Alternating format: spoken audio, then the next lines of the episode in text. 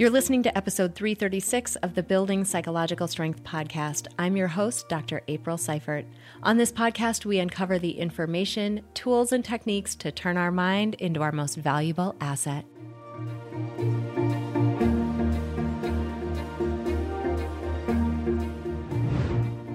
Hey, everybody, welcome back to this episode of the podcast. My name is Dr. April, and I'm your host, and I'm so thrilled that you are here.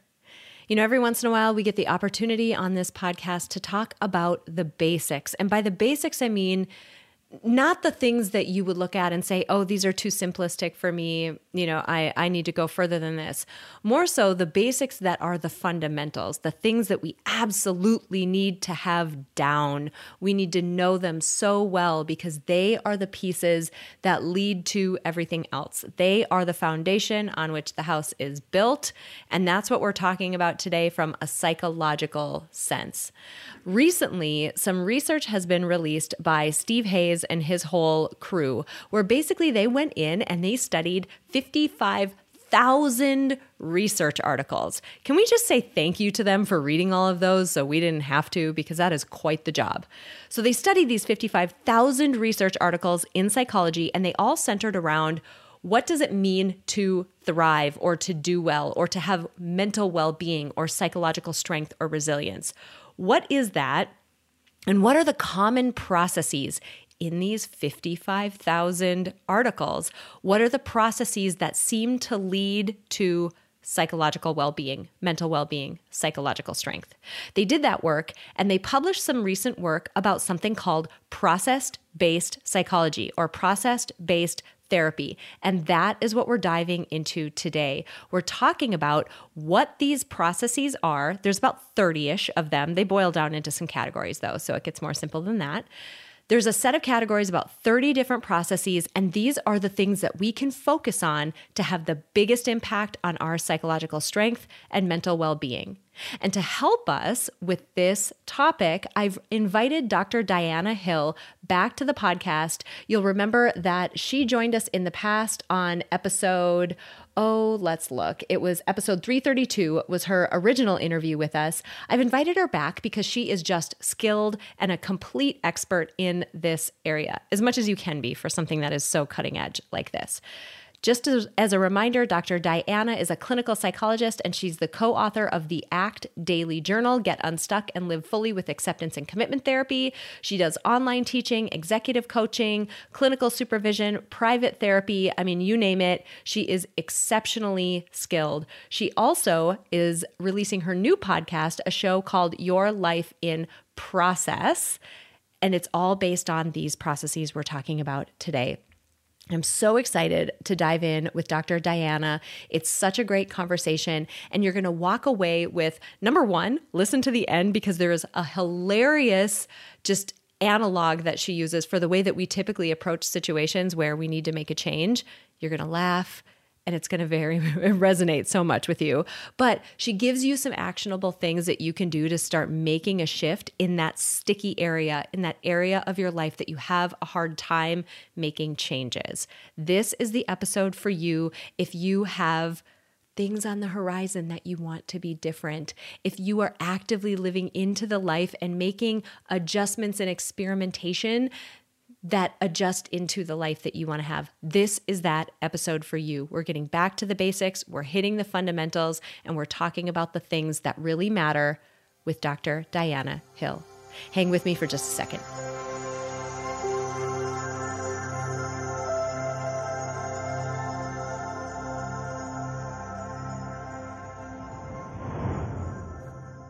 Dr. Diana, I'm so excited to have you back talking about the new hotness of ACT. This is going to be great. Thanks so much for joining us again. Thank you for having me. You know, our conversation was one of my favorite all time interviews that I've had because you're so engaging and delightful and uh, easy to talk to. So I'm glad to be back here that means a ton because if you've ever been in a situation where you've done a project like this, a podcast or anything that's sort of ongoing, you know that you get better over time, but you still remember those early days when you were really bad at it. And so it's nice to hear that you're making progress. So thank you. I appreciate it. Um, I want to dive into something that is you you said it best right before we logged on or right before we hit the record button, the cutting edge of the cutting edge. This is stuff that is coming out right now in terms of acceptance and commitment therapy and just the way that we think about helping people through some of their most challenging circumstances and that is this thing called process based psychology or process based interventions. Can you talk a little bit about what in the heck that is? Absolutely. Well, first of all, we have to kind of define what we mean by process because right. it can mean so many different things. A lot of people will think about like process therapy, like I'm going to go process my feelings in yeah. the therapy room. Yeah. This is a totally different term, a totally different idea than that type of process. What process based therapy is, is that there are some core ways of interacting with the world, of being in the world ways of being with your thoughts, ways of behaving, ways of um, being motivated that are processes. They're sort of like um, sort of the mechanisms within you that can impact your well being.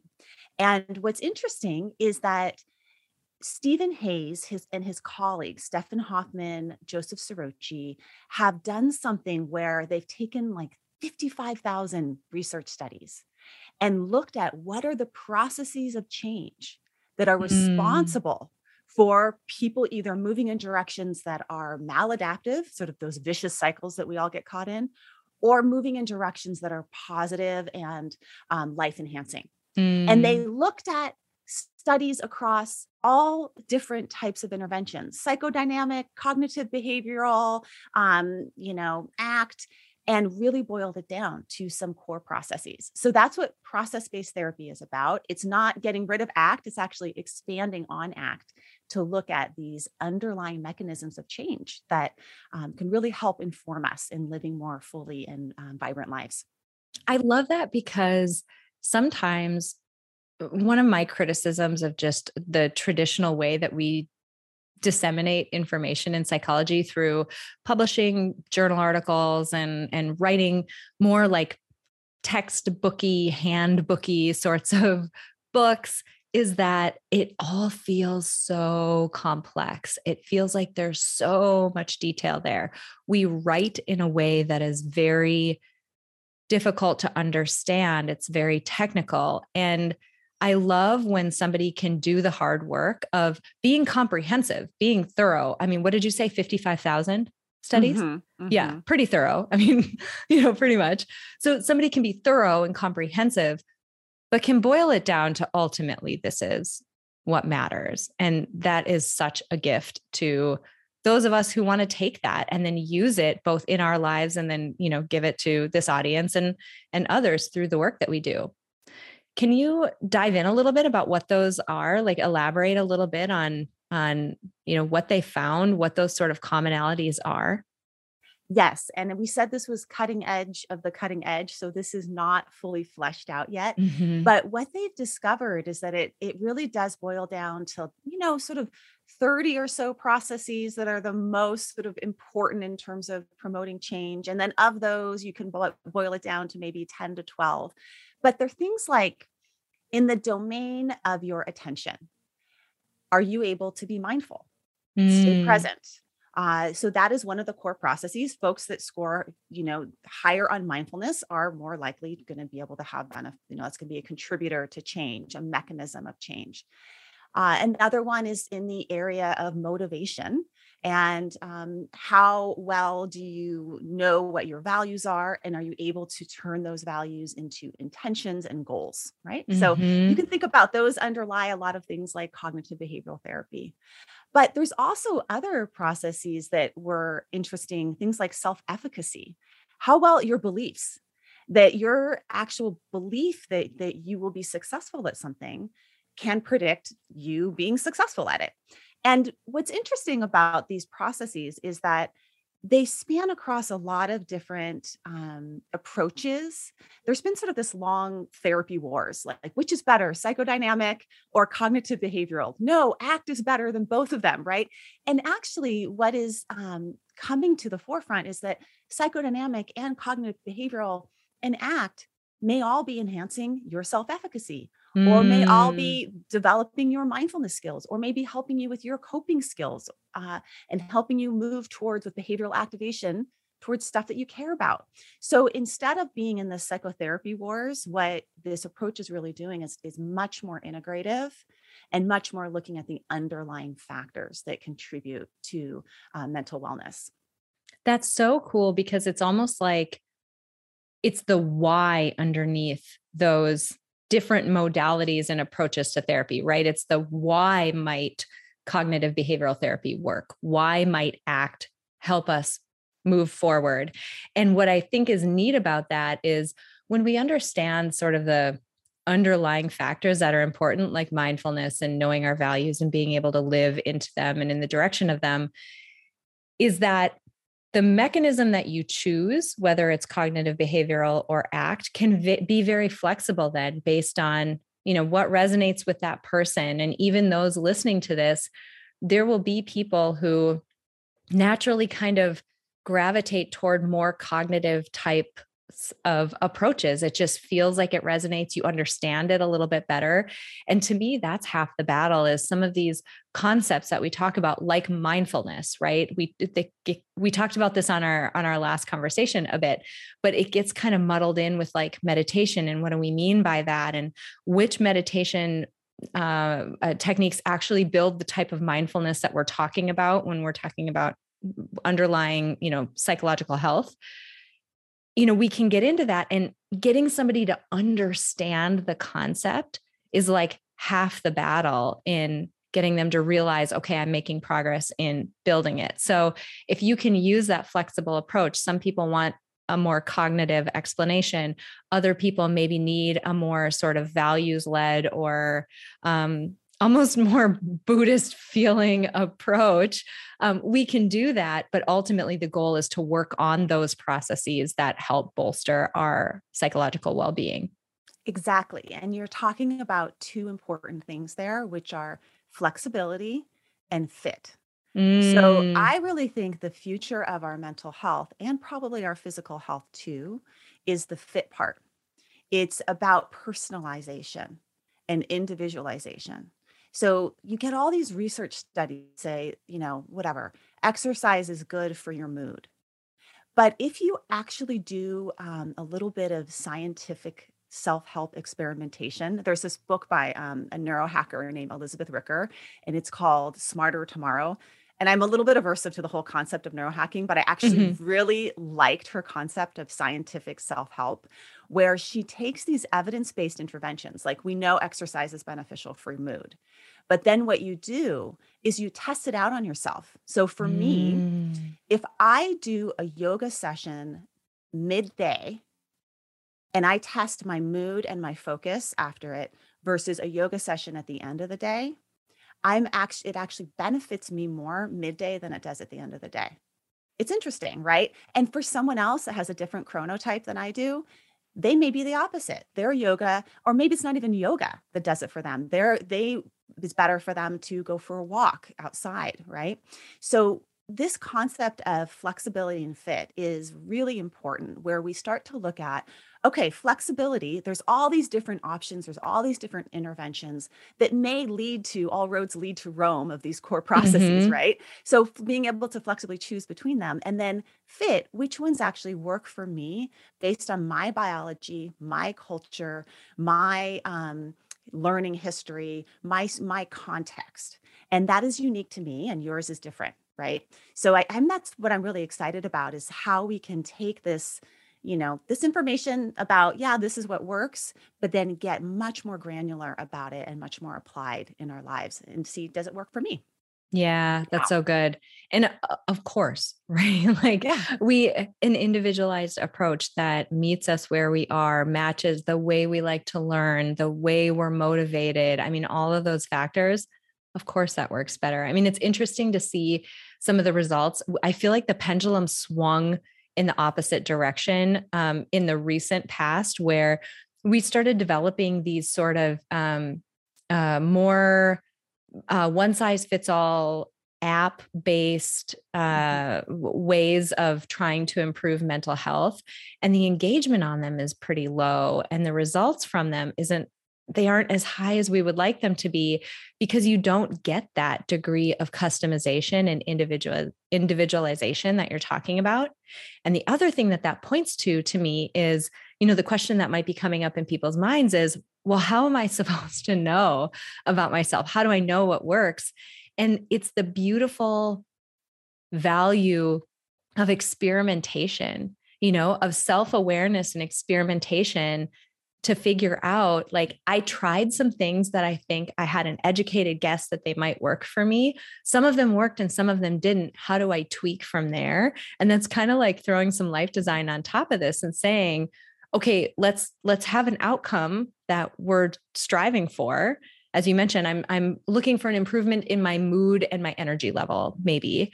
Great, let's try some things and then just pay attention, tune into that and see where we're at as we try different variations of this. The experimentation piece of it gets lost because we think we have to just adhere to some like rigid way of you know moving through making change and we absolutely don't we're ultimately looking to get the outcome that we want and sometimes that takes a few a few tries yeah i think we either rigidly you know, stick to one way of doing it, or we get down on ourselves when it doesn't work. Yeah. And then, you know, this is sort of like a classic thing of folks with exercise programs. A lot of people want to move more. That's, you know, probably the most impactful intervention that you can have on your mood, on your executive functioning, on um, your performance at work is by moving more yeah. in your day. Yeah. But people get down on themselves when it doesn't look a certain way. You know, when it's, I'm not going to the gym for 30 minutes and it, you know, whatever, then they just get down on themselves and they, give it up. As opposed to getting more flexible about it and trying out different things to figure out what really works for you. Because for one person, moving more may be going to a gym, but for other people, moving more may be actually more functional movement within their day. How can they build movement in, you know, to walk into the mailbox three times a day or into um, going for walks with friends or whatever it is? So I think that that's where the flexibility part is important and the also repeated attempts to try different ways, little micro adjustments to see what works for you. Mm-hmm.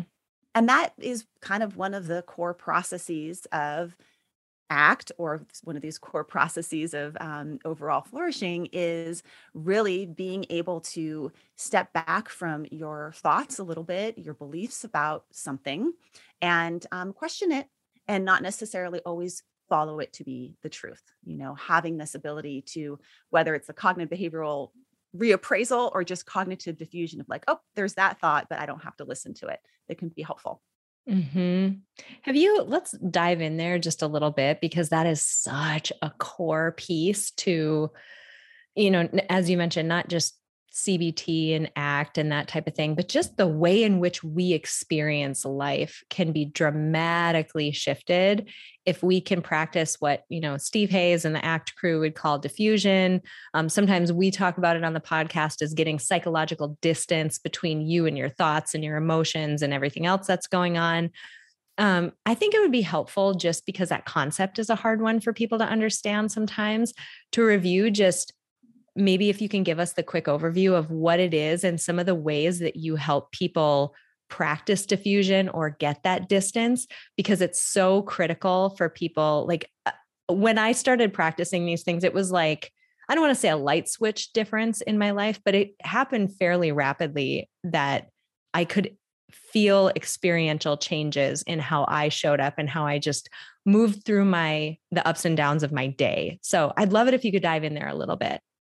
Yeah. Well, first I'll say go back and listen to our other episodes yes. did because we had a fun discussion about the roosters on it. So yes. that's a fun one. Um, but you know, even as you and I are talking right now, April, my mind has something to say while you're talking and while I'm talking, and your mind has something to say, and all the listeners' minds have something to say. Our mind is constantly chatting away at us. And sometimes those things can be helpful and sometimes they can be not helpful. Mm-hmm. A really you right before we started, you took your phone and you threw it behind you. I chucked it over on the couch. You're like, hold on, I gotta get rid of this noisy. thing. Yeah. Okay. So how many times Have you been in a conversation with someone and your mind has said, I better check that my email. Oh, mm-hmm. I wonder mm-hmm. if I had to, you know, pick up my kids. Oh, I wonder if that person texts me back. Mm, I wonder what the weather is like. Mm, maybe I should look that up. Right. So, right? Our mind mm-hmm. and now especially with our digital devices our mind can get our attention can get captured really quickly because we live in an attention economy where basic our attention is worth something to people so they're paying a lot of money to figure out how to capture it right? Mm-hmm. so our mind can can tell us certain things. It can say things while i'm having a conversation with you that are judgmental critical or helpful.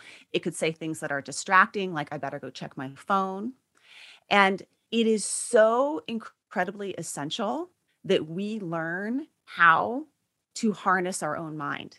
Mm-hmm. We don't. It's like taking a really misbehaved puppy for a walk where you are like, like you're running after the dog, like who's walking who here, you know, it's like pulling you down the street and it's jumping on people. And it's, you know, we have to learn how to like get it to heel Right. And so part of that can be cognitive defusion where you can notice that your mind is not you, it's not truth with a capital T. It's just doing its thing. And you reorient your attention to what's important to you. Mm-hmm. It can also be attending to helpful thoughts. Uh, Thich Nhat Hanh is one of my root teachers, and um, he I went to go visit him in my 20s. He's been just a really important person in my life and in sort of in, in teaching about these principles of the mind. And one of the things that he teaches is watering seeds of the mm. mind he was probably a very early behaviorist and neuroscientist, this man, um, and a Buddhist teacher, right? But what he teaches is that when you bring your attention to something, you water the seeds of your mind, and you can water the seeds that you want to grow. So, if you want to right now grow the seeds of paying attention to this podcast and what we're saying and these ideas, then you bring your attention here over and over again, like you would heeling a puppy. And if you don't want to water the seeds of should I check my phone or what's in my email or how many followers I have, because that seems like it's kind of like taken over the garden of your mind a little bit too much, then you let those seeds go fallow. Mm. And it's mm. not about spraying pesticides on them, it's just letting them go fallow. And you do that by noticing them and bringing your attention back to where the seeds that you do want to water so that's cognitive defusion that's whatever and you know also could be considered mindfulness but it's basically a core process of what you do with your attention and can be really helpful I love that it's almost like organic mind uh, gardening. We don't use yes. pesticides, but we do just ignore it and we just uh, uh, don't water it at all. Yeah. Well, if you use pesticides, what you're starting to do is putting a lot of energy into those seeds and you're fighting them. And then guess what mm. happens to the other ones that you're supposed to be tending over here? like they don't get the energy that they need, right?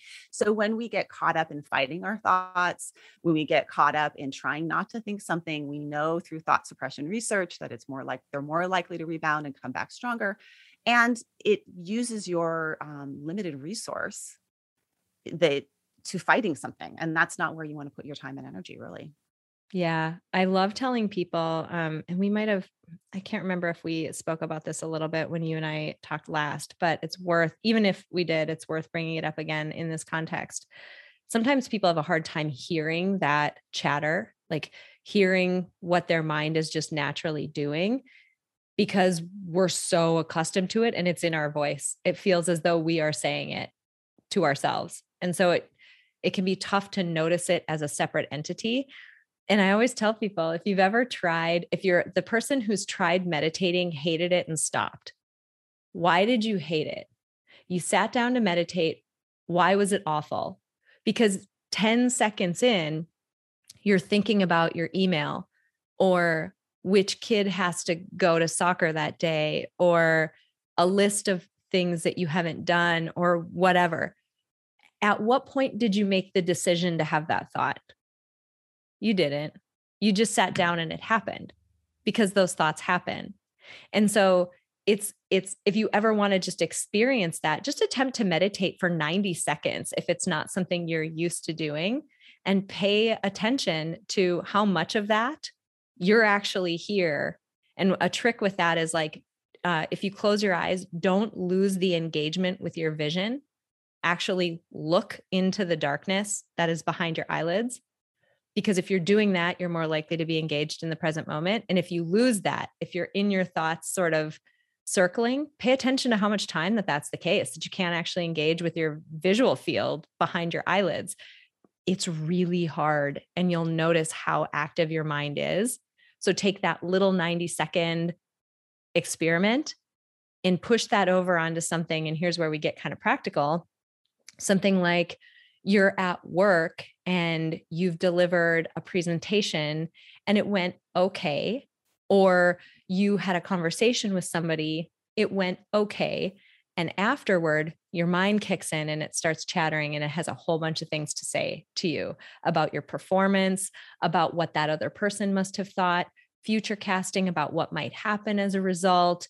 And downward spiral you go into the chatter unless you practice the things that you're talking about and can catch yourself and sort of create that distance that we've been talking about. Absolutely. So you're you're also referencing there that this is something that we can change mm. and we can grow and we can practice and we can get better at. All of the processes, all of the core processes are processes that we can work on and get better at and that's what's exciting you know yes all everyone their mind is going to get distracted and our thoughts are going to come in and, and, they tend to have a certain flavor to them. Mine tend to be like self-critical and um, you know sort of the locus of control when it's when it's negative it's my fault and when it's positive it's some kind of, of something else outside yeah. of my fault. Um, but that that's just sort of my tendency and i've been able to notice that now. Yeah that's that's how um, that's the flavor of my type of thinking but we can practice and get better at it and i've seen that in my own life you know i was i was actually going for a run i was in costa rica on this retreat that i won it was an amazing retreat and um, i was listening to a book on my run and then i was taking pictures and then now and then i was taking notes while i'm running on the beach in costa rica. I'm not kidding you. On retreat. On retreat. Um and what was I missing out on there, right? Like, like this is the thing that I had been looking forward to. Well, whether it's your run in Costa Rica or it's your child or it's that partner or it's your the home that, gosh, 15 years ago you would have died to have because you were like stuck with roommates in this like horrible dorm room, right? You would have dreamed to have your own room with your own dresser and your own bed. But this is what our mind tends to do is it, it always thinks that there's something off in the future that's better than what we have right now and, and then it has this negativity bias. But once we can catch ourselves in that mm, our attention back. And you can do that through a formal meditation practice but you don't even need a formal meditation practice to do that.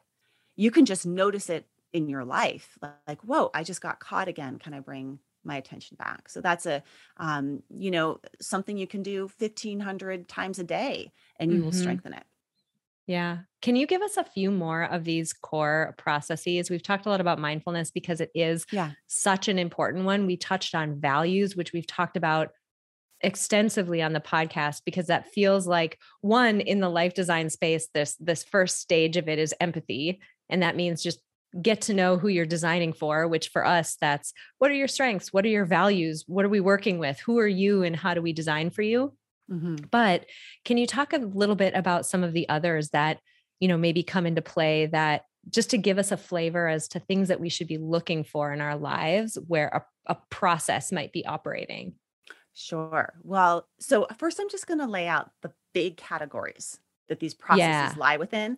And then I'll give you some examples within the category. Okay. Yeah. So, one big category is your social cultural experience. Within that are things like do you have social support? Right? How is your parenting? You know, how, how were you parented? Right?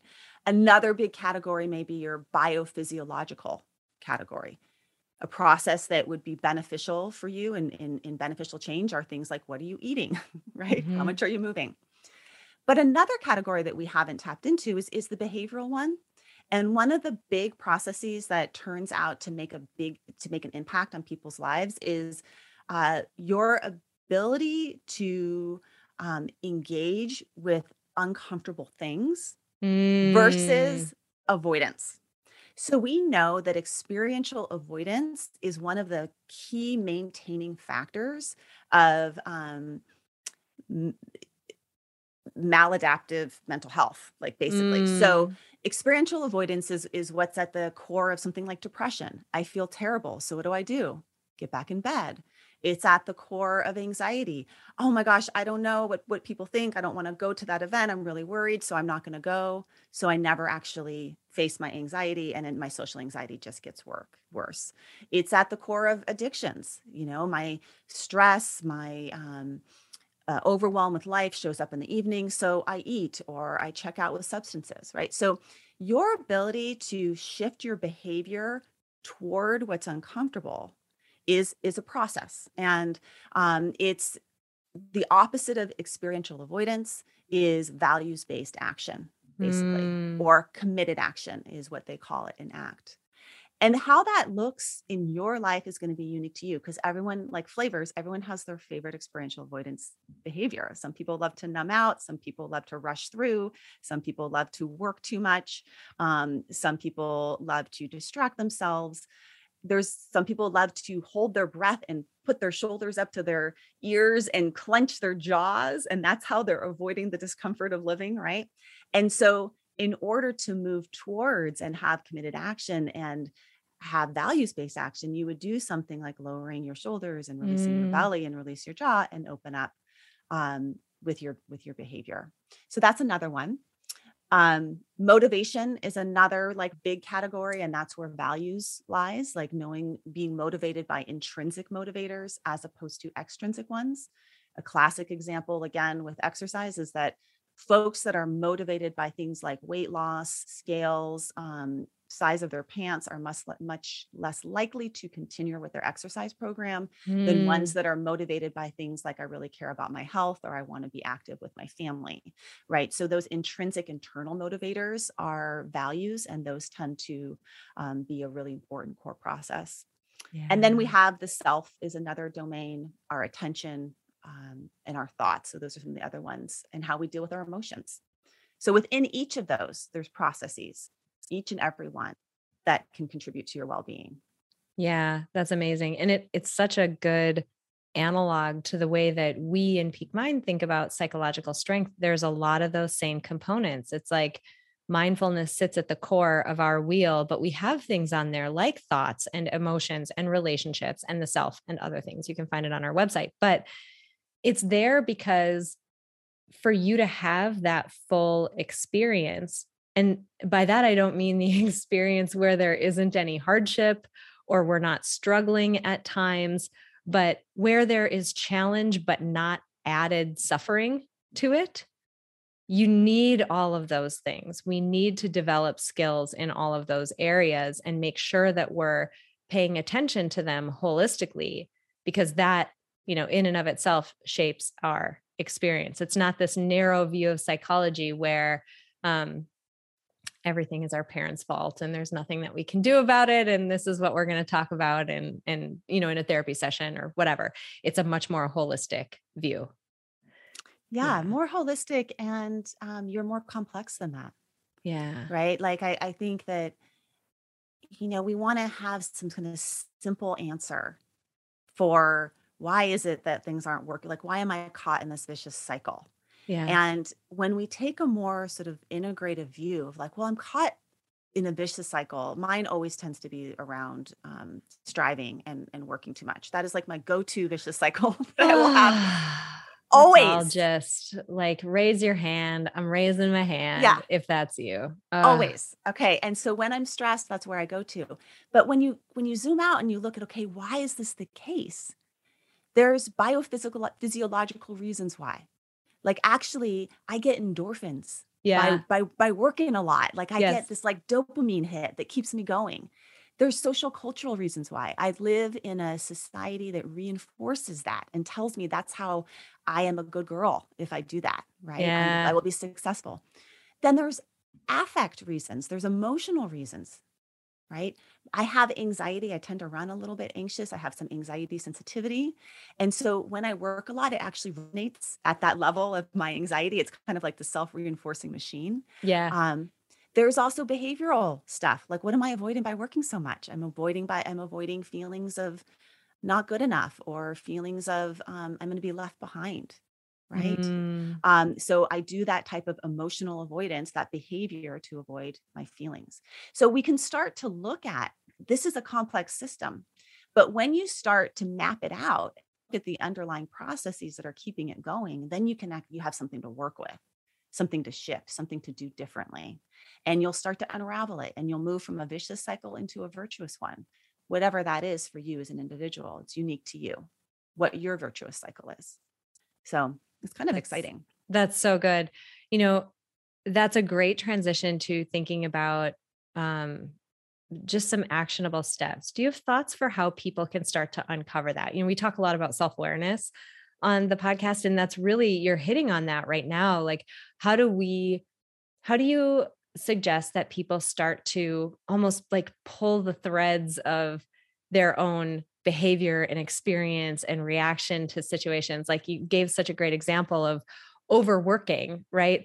You may look at that on the surface and say, oh, it's important to her that she creates a good work product. And maybe that's one of the threads, but there were a lot more that you pulled at in, you know, in that example that you gave. Are there ways that you have suggested to people that they start to get to the deeper drivers of what their own behavior might be, of recognizing when this is more than just something you're doing. This is something you're doing that you're coping with something or avoiding something or whatever the case may be. Do you have thoughts about how we can start to unpack that? Yeah, I'm, you know, I'm talking about something that feels like I'm all over the place and there's a lot of different big components that I'm talking about. So I'm going to simplify things and just look at the avoidance component of um, that keeps us stuck in vicious cycles. And I'm going to give a little metaphor. Uh, so, have you ever had a bird caught in your kitchen before? Oh like yeah, get, yeah. What does the bird do? Fly at the window. okay, and then, and then what happens? it hits the window. Okay, and and then and then what does the bird do next? Fly at the window.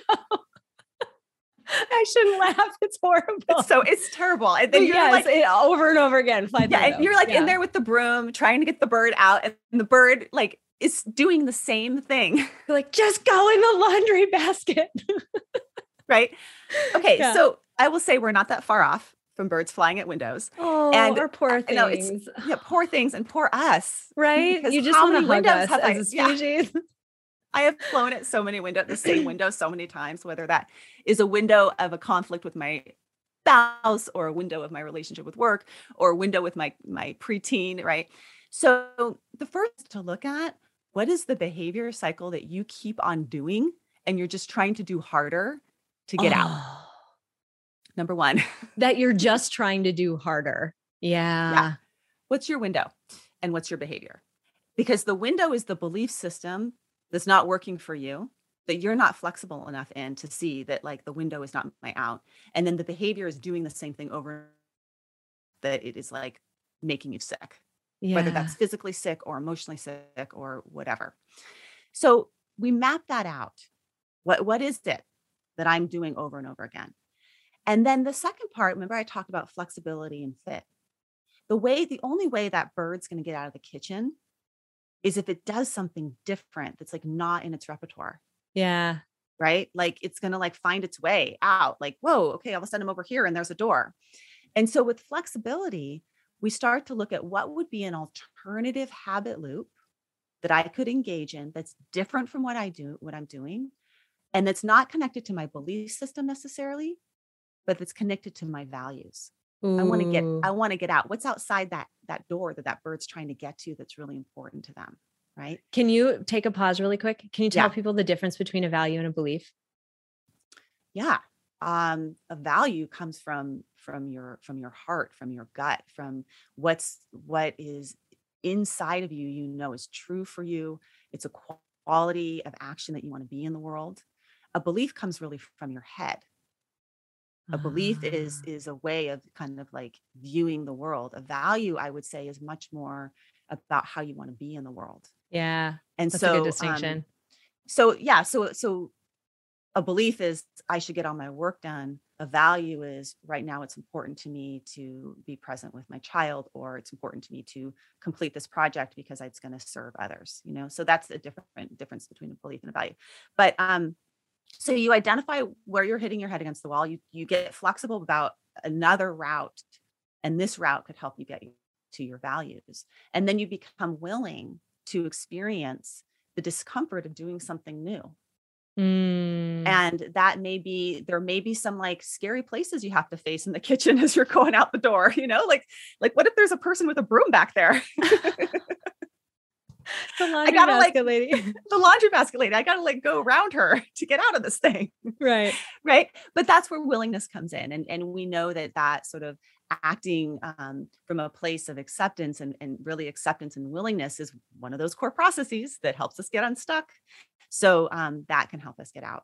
And it, it oftentimes, I know I'm, now I'm talking metaphorically, but oftentimes you, as I'm saying this to you, you kind of know, you kind of know what that is. That yeah. thing that you haven't tried, but you know you kind of should try because it probably will yeah. work for you. yeah, that's so good.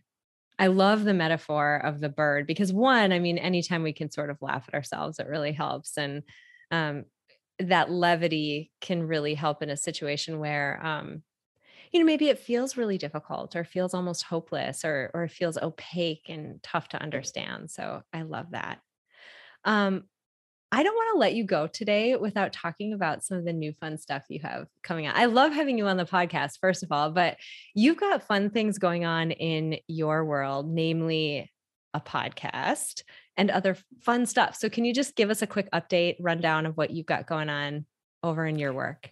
Yes, I have a new podcast called Your Life in Process, and it's about these ideas, um, but really applying them to your life. And every week, I give you actually a practice to try out a mm. concrete practice and there's a pdf that goes with it and you know it's sort of all very organized even though i sound a little bit disorganized sometimes. It gets organized at the end.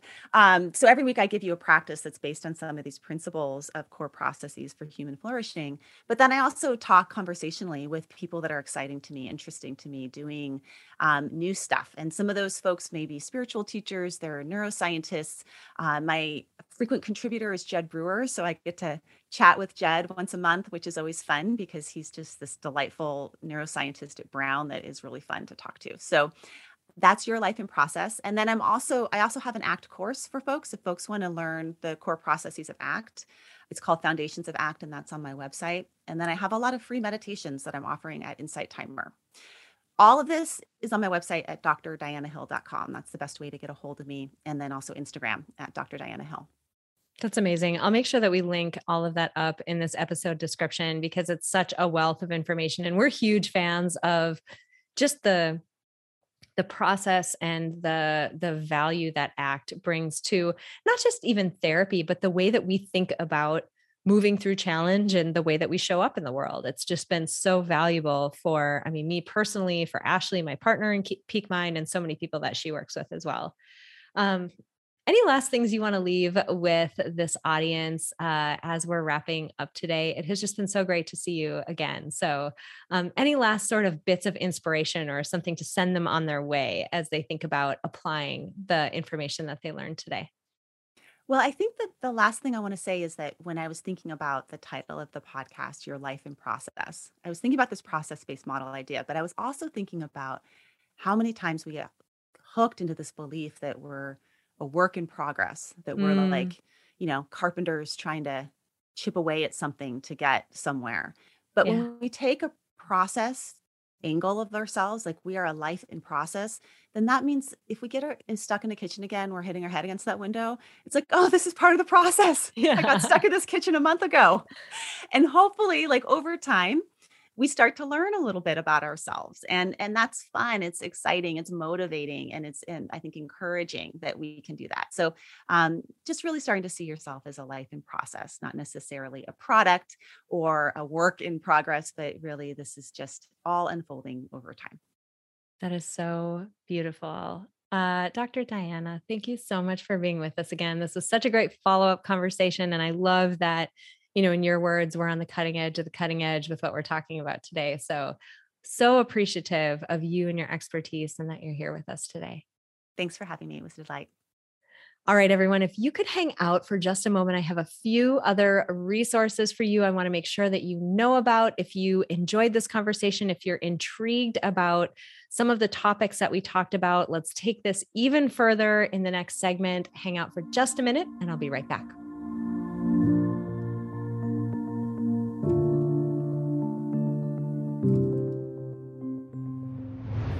All right, guys, that's my interview with Dr. Diana Hill. I am so thrilled that you joined me for this conversation today. She's just lovely. She's such a great person. Please check out her podcast. I am so excited for the work that she's doing because she is always on the cutting edge. And so she's someone to hit the subscribe button on and follow. Again, her podcast is called Your Life in Process. And I linked up her website uh, below in the additional resources.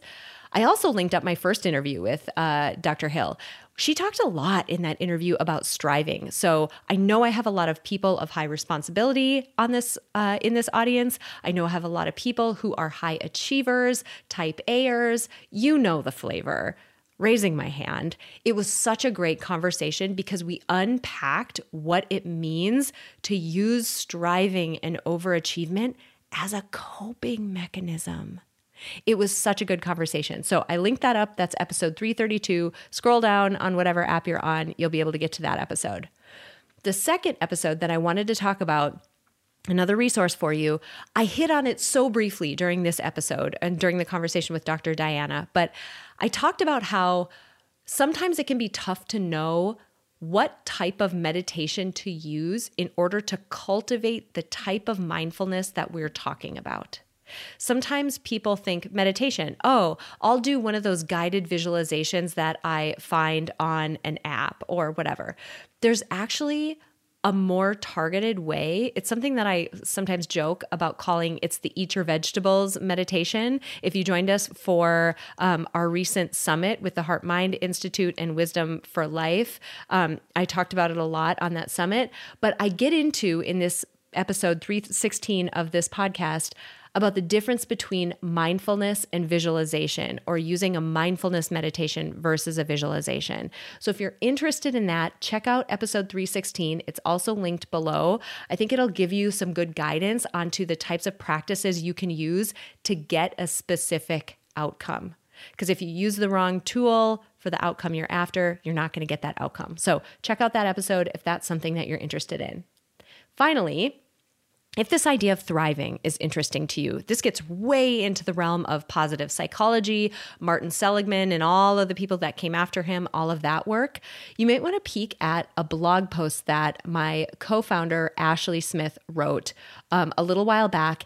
It's about creating the conditions to thrive in your life. She opens up by talking about this aloe plant that she has in her house, and it's a great metaphor for how we think about setting up our lives as a way of supporting us in our ability to thrive. So please check out that blog post. That's also linked below.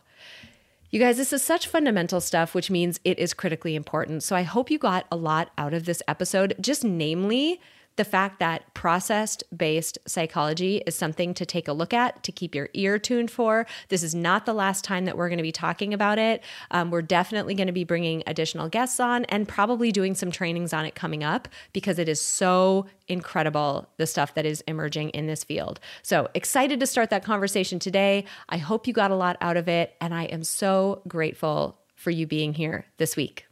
And finally, let's remember that time is the most non renewable resource on the planet. And I'm grateful to each and every one of you who chose to spend some of your precious time with me today. I'm Dr. April Seibert, and I'll see you next week.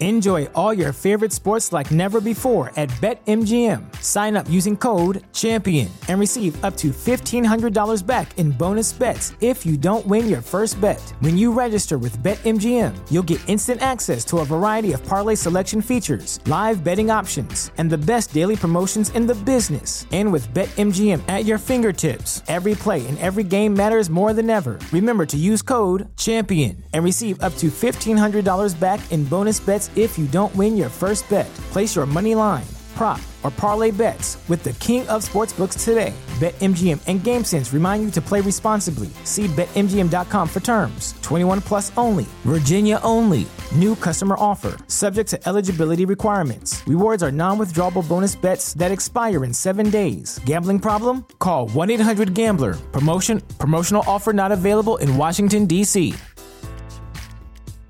At Parker, our purpose is simple.